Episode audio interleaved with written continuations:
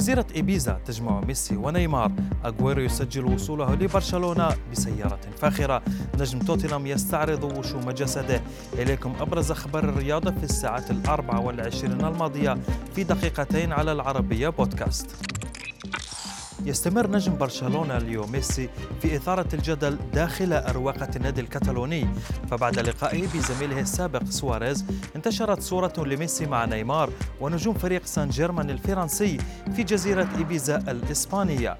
الصورة نشرها النجم البرازيلي على حسابه بموقع إنستغرام ويبدو أن ميسي يستمتع بلقاء زملائه السابقين بينما تسابق إدارة برشلونة الزمن لإيجاد حل يبقي الأسطورة داخل النادي. وفي برشلونة سجل صديق ميسي الجديد أغويرو وصوله إلى كاتالونيا بشرائه سيارة فيراري جديدة.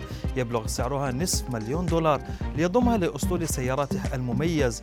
وتعتبر سيارة أغويرو فريدة من نوعها كونها أول سيارة كهربائية تنتجها الشركة الإيطالية. وبحسب صحيفة ذا البريطانية فإن سعر السيارة يبلغ 465 ألف جنيه استرليني. كشفت صديقة جاك جريليتش نجم المنتخب الإنجليزي عن تلقيها لنحو 200 رسالة تهديد يوميا أثناء مشاركة إنجلترا في كأس أوروبا.